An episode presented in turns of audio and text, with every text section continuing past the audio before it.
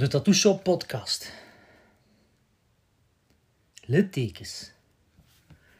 Littekens, ja. Mhm. Een jaar geleden werd ik, eh, werd ik gecontacteerd door, door het Belang van Limburg. Dat is een krant. En die waren naar mij gestuurd door Jolien, een heel lief meisje. En zij, zij heeft door mij heel veel van haar laten, laten tatoeëren. Ik, ik doe dat veel. Ik doe dat heel erg veel. Ehm, in de buurt van, van mijn shop is een, uh, een centrum waar mensen terecht kunnen die zelfmoordpogingen hebben gedaan, die hun eigen snijden, of drankverslavingen, gokverslavingen. Mensen die therapie nodig hebben, die een dag of een volledige opname binnen kunnen. Um, ja, even afgeleid. en daar heb ik een paar mensen van hun littekens weggewerkt met tattoos. Met een paar bedoel ik tientallen. En dat is exponentieel aan het groeien. Heel veel mensen komen vanuit heel Europa naar mij toe voor hun littekens te laten coveren en wegwerken. Met tatoeages. Soms willen ze dat er nog een beetje zichtbaar is, soms moet dat volledig weg. Um, soms moet dat onderdeel zijn van de tattoo die ze laten zetten. Maar altijd achter je gesloten deur, altijd weg van iedereen en persoonlijk. En, daar is, heeft de krant mij dus voor, uh, gecontacteerd. Om een dubbel interview te doen samen met Jolien. Die dat door mij heeft laten doen en ook door een andere artiest. En ja, maar ik stond in de krant en de andere artiest niet. Maar ze werd wel vermeld, dat vind ik wel fijn. Uh, natuurlijk. En dat is dan opgepakt door de nationale pers. En een maand later, of anderhalf maand later, zat ik in een tv-studio. Ja, en daar is dan een kort segment van effectief op tv gekomen. Want het ging over een bekende seksuologe waar ik de naam al niet meer van weet. Ik weet dat echt niet, hè. Um, dus ik heb dan daar moeten uitleggen. En dat, dat meisje had dan ook tattoos laten zetten, ook automutilatie gedaan. Daar zat een man bij, een bekende YouTuber die ik ook niet ken. Wereldvreemd, nee. Dus die, die, die was daar. Ik ben afgeleid. Ik ben de hele tijd afgeleid. Wacht, ik ga hier even mijn meldingen afzetten van mijn scherm. Zo, veel beter. Dus ik was dan in die tv-studio. En er waren allemaal verschillende mensen. We gaan even opnieuw beginnen. Er was dan die seksuoloog die ik niet ken. Een bekende YouTuber die ik niet ken. Um, en dan um, iemand, een dokter. Een psycholoog. Psychiater. Ik weet het niet. Iemand met verstand van zaken. En we hebben daar toen bijna een uur zitten babbelen en discussiëren over dat. Over het, het vreselijke wat de mensen moeten meemaken die hun eigen snijden, of nog erger. En enorm veel. En dat, het is daar geweest. We hebben het gehad over, over pesten en over, over ja, vreselijke tafereelen en zo. Maar iedereen die er zat, had een tattoo. En die keken allemaal naar mij. Dat is, dat is zwaar overdreven. Alsof ik een soort verlosser was. Een soort, en iemand die de vreselijke van de emotie die, die ze hadden bij het hun eigen pijn te doen. Iemand dat om kon zetten in het volledig tegenovergestelde. Zo, zo erg als, als de emotie was bij het zetten van het litteken, zo fijn is de blijdschap bij de mensen die daar een tattoo over laten zetten. En die zeiden dat allemaal. Ja, ze hebben uiteindelijk dan 30 seconden nog niet in dat tv-programma gestoken. Hoe noemde dat weer? Ik moet beter mij voorbereiden voordat ik die uh, podcast opneem. Allee, ik weet het niet. Ik weet het echt niet. Je kunt het nog bekijken op 14 nu.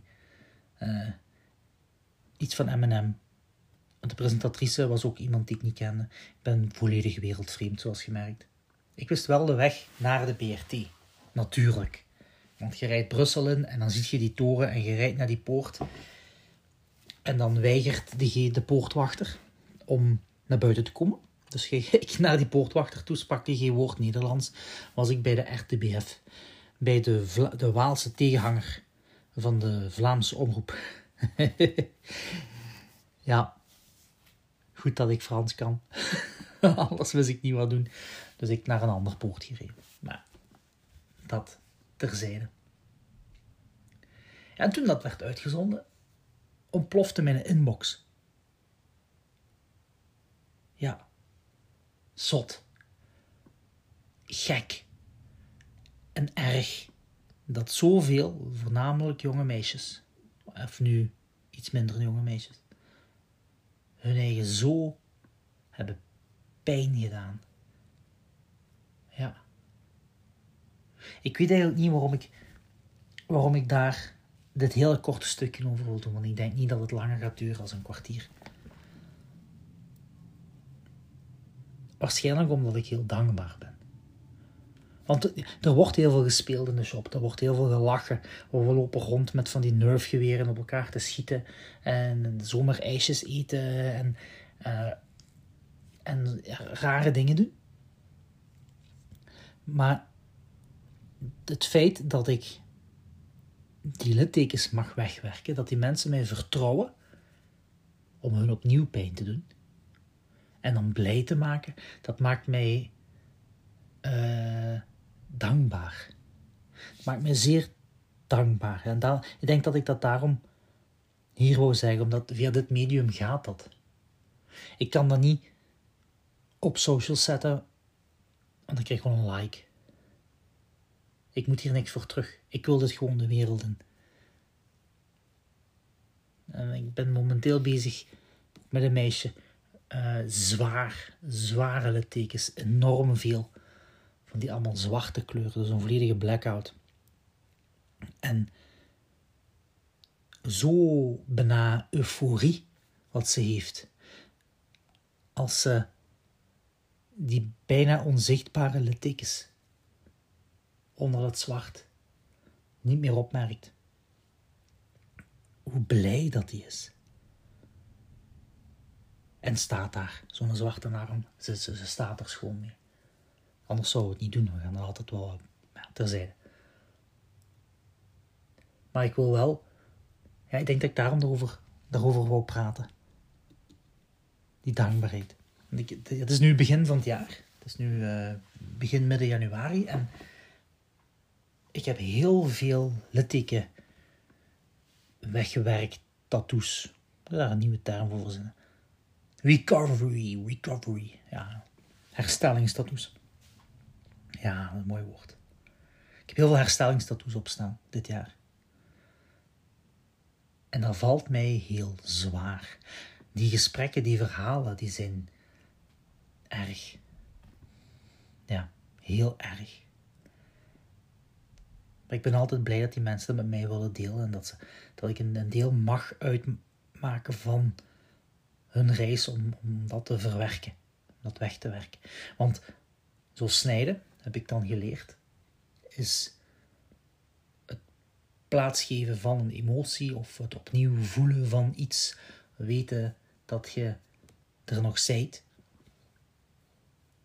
Mis ben, sorry, ik heb het zelf niet meegemaakt. Um, maar dat heb ik geleerd. Hè, van alle lieve mensen die hun ervaringen met mij delen. En dan mag ik dat helpen een plaats geven van het feit dat ze daar nog altijd mee rondlopen. Want elke snee, elke litteken is een tegenslag, is een negativiteit. Totdat wij ermee aan de slag gaan. En dat is toch chic. Dat wordt bijna een, een, een schild, een, een bepansering naar de rest van de wereld terwijl het hun eerst heel uh, kwetsbaar maakt. Heel kwetsbaar, heel fragiel en bijna ja, heel onzelfzeker. gaan ze dan naar buiten willen komen en laten zien: kijk, kijk wat ik heb. Kijk wat ik heb bereikt. En daar ben ik trots op dat ik daar aan deel mag maken. Deel mee mag uitmaken. Aan mijn zinsbouw, Tom? Niks. Nog een bolle zinsbouw. Alleszins, je had mij begrepen. Ja, ik denk dat ik daarom dit stukje wou doen. Het is een hele korte. Meer kan ik er ook niet over zeggen. Jawel, ik kan u de, de, de restricties en de beperkingen opleggen. Een litteken gaat je altijd blijven zien. Sowieso. Altijd. Want dat is een, ofwel een deuk, ofwel een vluchtheuvel. ofwel een, een uitstulping. En ook al kleurt je het helemaal zwart, met lichtinval, gaat je dat altijd zien. Dus om het echt weg te werken is het het gemakkelijkste om een structuur over te doen. Een zo ingewikkeld mogelijke tattoo die van heel ver herkenbaar is dat je het ziet. Want als je van heel ver ziet dat het een vrouwengezicht is, hoewel ik dat niet aanraad voor littekens, maar gewoon even, dan gaat je niet opnieuw daar naar kijken. Dan gaat je naar hier en daar naar een detail kijken. Oh, is dat oog mooi? Ja, dat is een oog mooi. Zoele lippen. Ja, ze heeft heel zoele lippen. En dan gaat je daar niet meer naar kijken. Terwijl als je daar een, een ingewikkeld dotwork patroon met 3D-effecten en zo psychedelische krul erin zet, dan gaat je naar willen blijven kijken en dan gaat je die kleine oneffenheden zien en de littekens ook opmerken. Simpel van uitzicht, maar ingewikkeld qua details, dat is het beste voor overal littekens. Moest je dat willen weten. Maar ik raad u aan om sowieso artiesten uit te kiezen waar je goed bij voelt, zoals altijd. En ook bij dit, zeker bij dit. Iemand die daar ervaring in heeft. Want elke lijn over elke litteken kan anders uitzien. Dus zorg echt dat je iemand hebt die lang tatoeëert, die dat al veel gedaan heeft. Of tenminste weet waar hij of zij mee bezig is. Want er kan heel veel mis mee gaan. En je moet je goed voelen bij je artiest. Dat is het eerste. Ga daarmee praten. Altijd eerst praten. Hier rond ik af. Volgende keer doen we terug naar lang. Salutjes.